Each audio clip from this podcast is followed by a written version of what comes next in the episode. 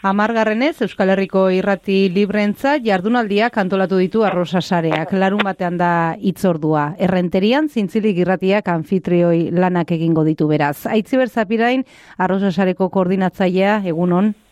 Egunon, amaia. Beno, irratiak oroar, osasun ona duela esango altzen nuke, mendik hasiko gara? Bueno, ba, ez dakit irrati, bueno, pentsatzen dut irrati romantiko bat naizela, eta orduan eh, esango nizuke baiet, baina gero ja, objektiboki pentsatzen hasita ere, ba, erantzuna berretxiko nuke. Iruitzen zeite Euskal Herrian irratirik ez dela falta, zoritxarrez zenbaitzuk e, ba, egoera alegalean aurkitzen gara oraindik, baina e, osasuntxu gaude, e, azteko e, bagaudelako, ez? Beraz, nik esango nuke baiet. Bueno, baiko horrekin diogu beraz e, sola saldiari. Eta arrosa sareak, zer nolako osasuna du? Konta iguzu apur bat, e, beno, zein den egitasmonen funtsa, zein osatzen duten sarea, eta esan dakoa, zein egoeratan aurkitzen den?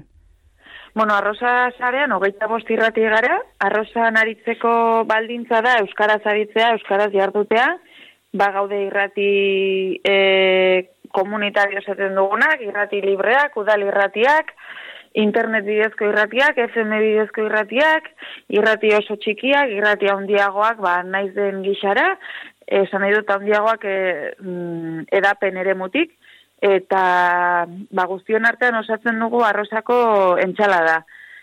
Eta jardunaldien edo topaketa egunen helburua alde batetik da elkartopatzea, e, urtean behin, elkarri aurpegia jarri berriz, elkarren berri eman, beharrak identifikatu, tailerrak gauzatu eta bueno, momentu goxo bat pasatzea elkarrekin. Hori jardunaldiei lotuta, e, aurrera segi aurretik gogoratuko diogu entzulari arrosak ekarpen propio ere egiten duela astelenetik ostiralera, zerrabidea irratxa joazari gara, erronka izango da ez, urte zurte programa honi ustea? E, erronka handiena da e, nire ustetan e, Euskal Herri osora begirako irrati zaio bat egitea. Zazpi provintziak lurralde osoa aintzat hartzen duen e, eguneroko magazin bat. Ze azken batean e, ahoa oso horrez betetzen dugu denok, e, bai, e, dakite nazionala da, eta beste, eta azkenean alde batetik e, kaltetuenak izan hori dira ba, Nafarroa, Ribera eta mm, Lapurdi Xiberoa eta Base Nafarroa, Eta azken batean, ba, hiru probintziak e, bakarra balira bezala iparraldearen izenean e, kontatzen direlako, baina hiru probintzia ezberdin dira, bakoitzak bere realitatearekin, ba, bizkaia eta gipuzkoa ezberdinak diren gixara. Eta nik uste erronka handiena hori dela. Orain e, hilabete bat ekin ezapiain e, beratarrak e, hartu du gidaritza, Ipar Euskal Herriko Euskal Irratiak e, federazioare, ba, bueno, e, sakonago sartu da, eta horri esker, ze azkenean e, e, ba, lapurdin basena farroan eta siberoan antolatuta dauden irrati eskerreren, ba, ematen zaio egunerokoan benetako nazional kutsu hori ez. Eta nik uste dut erronka handiena hori dela, eta poliki-poliki ba, ari garela heltzen.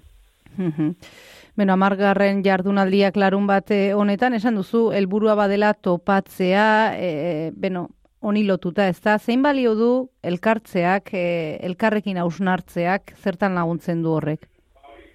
Bueno, alde batetik, e, balio du e, ikusarazteko norberaren zat, e, ba, bakarrak ezkarela ezakitze arazo dauzkagunak e, ba, ez dakit, pantalla horrean esertzean, edo automatizazio programarekin, edo albiste bat tratatzeko hizkuntzaren erabilerarekin, orduan, bueno, zenbait zalantza, duda, elkar partekatzeko, atera bideak eskaintzeko, esperientziak partekatzeko, ba, igual, e, ezakit, eh, antxeta erratitik eh, arazo bat izan daitekena, zarautzeko arraio irratitik, ba, atera bidea dator, edo xorrosinetik, edo alabeditik, edo naizetik, orduan, bueno, eh, hortarako laguntzen du.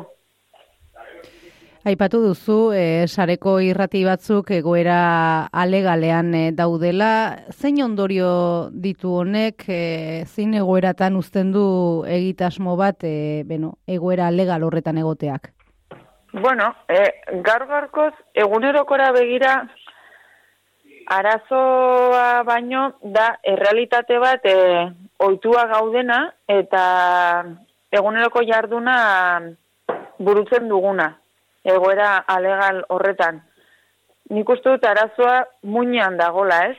Zergatik gara hainbat irrati alegal, ez? Zergatik mantendu nahi gaituzte egoera horretan. Azkenan irrati libre batek bere auzo, bere komunitate, bere herri edo hiriari ematen dio hitza, ez? Orduan zergatik luzatu, zergatik ukatu adierazpen askatasuna, ez? Espainiako gobernuak e, 2008 bigarren urteko udaran zabaldu zuen deialdia, urtarrilan amaitu dena, eta aukera maten zitzaion zenbait irrati alegalei egoera legeztatzeko. Arrosa saretik zortzi amar bat irratik eman dugu horretarako urratsa, e, jakinez, e, ba, bueno, guztionzat ez dela erresa ba, irratiko papelak, irratiko fakturak, irratiko zerbitzuak dena ongi mantendua izatea aukera dagoenean, beraz, irrati gehienak ez dira orkestu. Orduan, orain horren zai egotera tokatzen zegu, esleipenen zai, prozesuaren zai, eta ikustea, ea zer gertatuko den, zerbait gertatuko baldin bada, ba, orkestu ez direnekin. ikusi egin behar eta bitartean eguneroko lanak noski hor daude eta egunerokoan egiten den horri begiratuta e, irrati horietako bakoitzak hogeita boste proiektu aipatu dituzu kasu honetan zein ekarpen esango zenuke egiten diotela beno, e, gizarteari edo lekuan leku ekokatzen diren eremuari begiratuta? Ba, nik ustut, E, bueno, nire sentsazioa da askotan tokian tokiko komunikabide baten garrantzia oarkabean gutxietxe egiten dugula. Baita bertako kide eta edo langile edo kolaboratzailek ere ez. Baina gero bapatean konturatzen zara zure auzoko berri, zure herriko berri e, edo ez bakarrik berri, baizik eta ematen ari den debate bat edo beste auzoan irian, ba komunikabide horretan eman egingo dela. Izan irratia, edo, edo prentsa idatzi ez, telebista lokalak ez daude inbeste, baina nik uste dute hori dela e, irration, kasonotan irration funtzio ez, eta egiten dugun ekarpena, Gur, bakoitzaren gune geografikoaren islada, ez, hor dagoen e, bizilagunen kezka e, post e, ez islada, gure parriara edatzea. Eta egiten zait hori ekarpen polita dela. Eta balioan jartzekoan oski, e, lan horren baitan, beno, izango dira zailtasunak, izango dira erraztasunak, une honetan zeintzuk esango zenuke direla e, irrati hauen e, erronka nagusiak edo? Uf, ba, begira, kasu honetan berriz ere Euskal Herria zatitua dago, e, imposatuak zezkigune mugen gatik, ba, Lapurdin Siberuan eta Basena Farroan irratin erronka digitalizazioan baitago, badator, 2008an, lizentziak esleituak daude. Mm e, aspaldi esleitu ziren eta ez da aurrera eramaten estok faltagatik, pentsaze lekutan aurkitzen garen. Eta ego euskal herrian e, legalizazioan dago gaur egun e, e, puntua jarrita, ez? E, bueno, aurkeztu garen ontzat, emaitzaren zai, aurkeztu ez direnak zer gertatuko denaren zai, eta bien bitartean eguneroko erronkari aurre egiten batzuk teknologia dute arazo beste batzuk eh aizialdi eta dena konpontzen dakite eta elkar laguntzen dute horretan. Eta nik uste erronkak eguneroko zenbait gauza txikitan ere badaudela Bueno, e, proiektu hauei begira, egoera legalean dauden e, irrati proiektu hauei begira, e, lekuan lekukoak asko, e, betidanikoak direla esan dezakegu nola baita ez da, edo beno, e, historia luzea dutela, atzetik datozela. Bai, bai, bai, e, Euskal Herrian dauden irrati libreak, badira berriak, baina badira oso zarrak, ba hartu dezagun e, alabedi bat, e, zintzilik bera, ez, larun batean elkartuko gara topaketetan zintzilik errenterian, e, gure irratia siberoko gotza eta iruleik irratiak ere ba, berroi urte pasaituzte, orduan, bueno, hor dago eguzki irrati ere bai irunean, xorrosinek ere beste inbeste, orduan, e, badira zenbait irrati, amarkada, zamarkada, e, ba, bueno, hori arraitzen dutenak egunerokoan. Eta bidean e, aurrera darraite beraz. E, larun bateko itzorduari begira jarriko gara, e, beno, egitarauari dagokionez zer aipatuko zenuke? Ba, bueno, aipatuko nuke telekomunikazio begira jarriko garela goizeko amaiketatik aurrera. Aldi berean, e, ba, Espainiak irekitako legeztatzearen lehioare e, aipatuko dugula, eta baita irratizaio bat e, edatu ere eta ekoiztu elkarrekin, ez? Bueno, hori izango da goizaldia.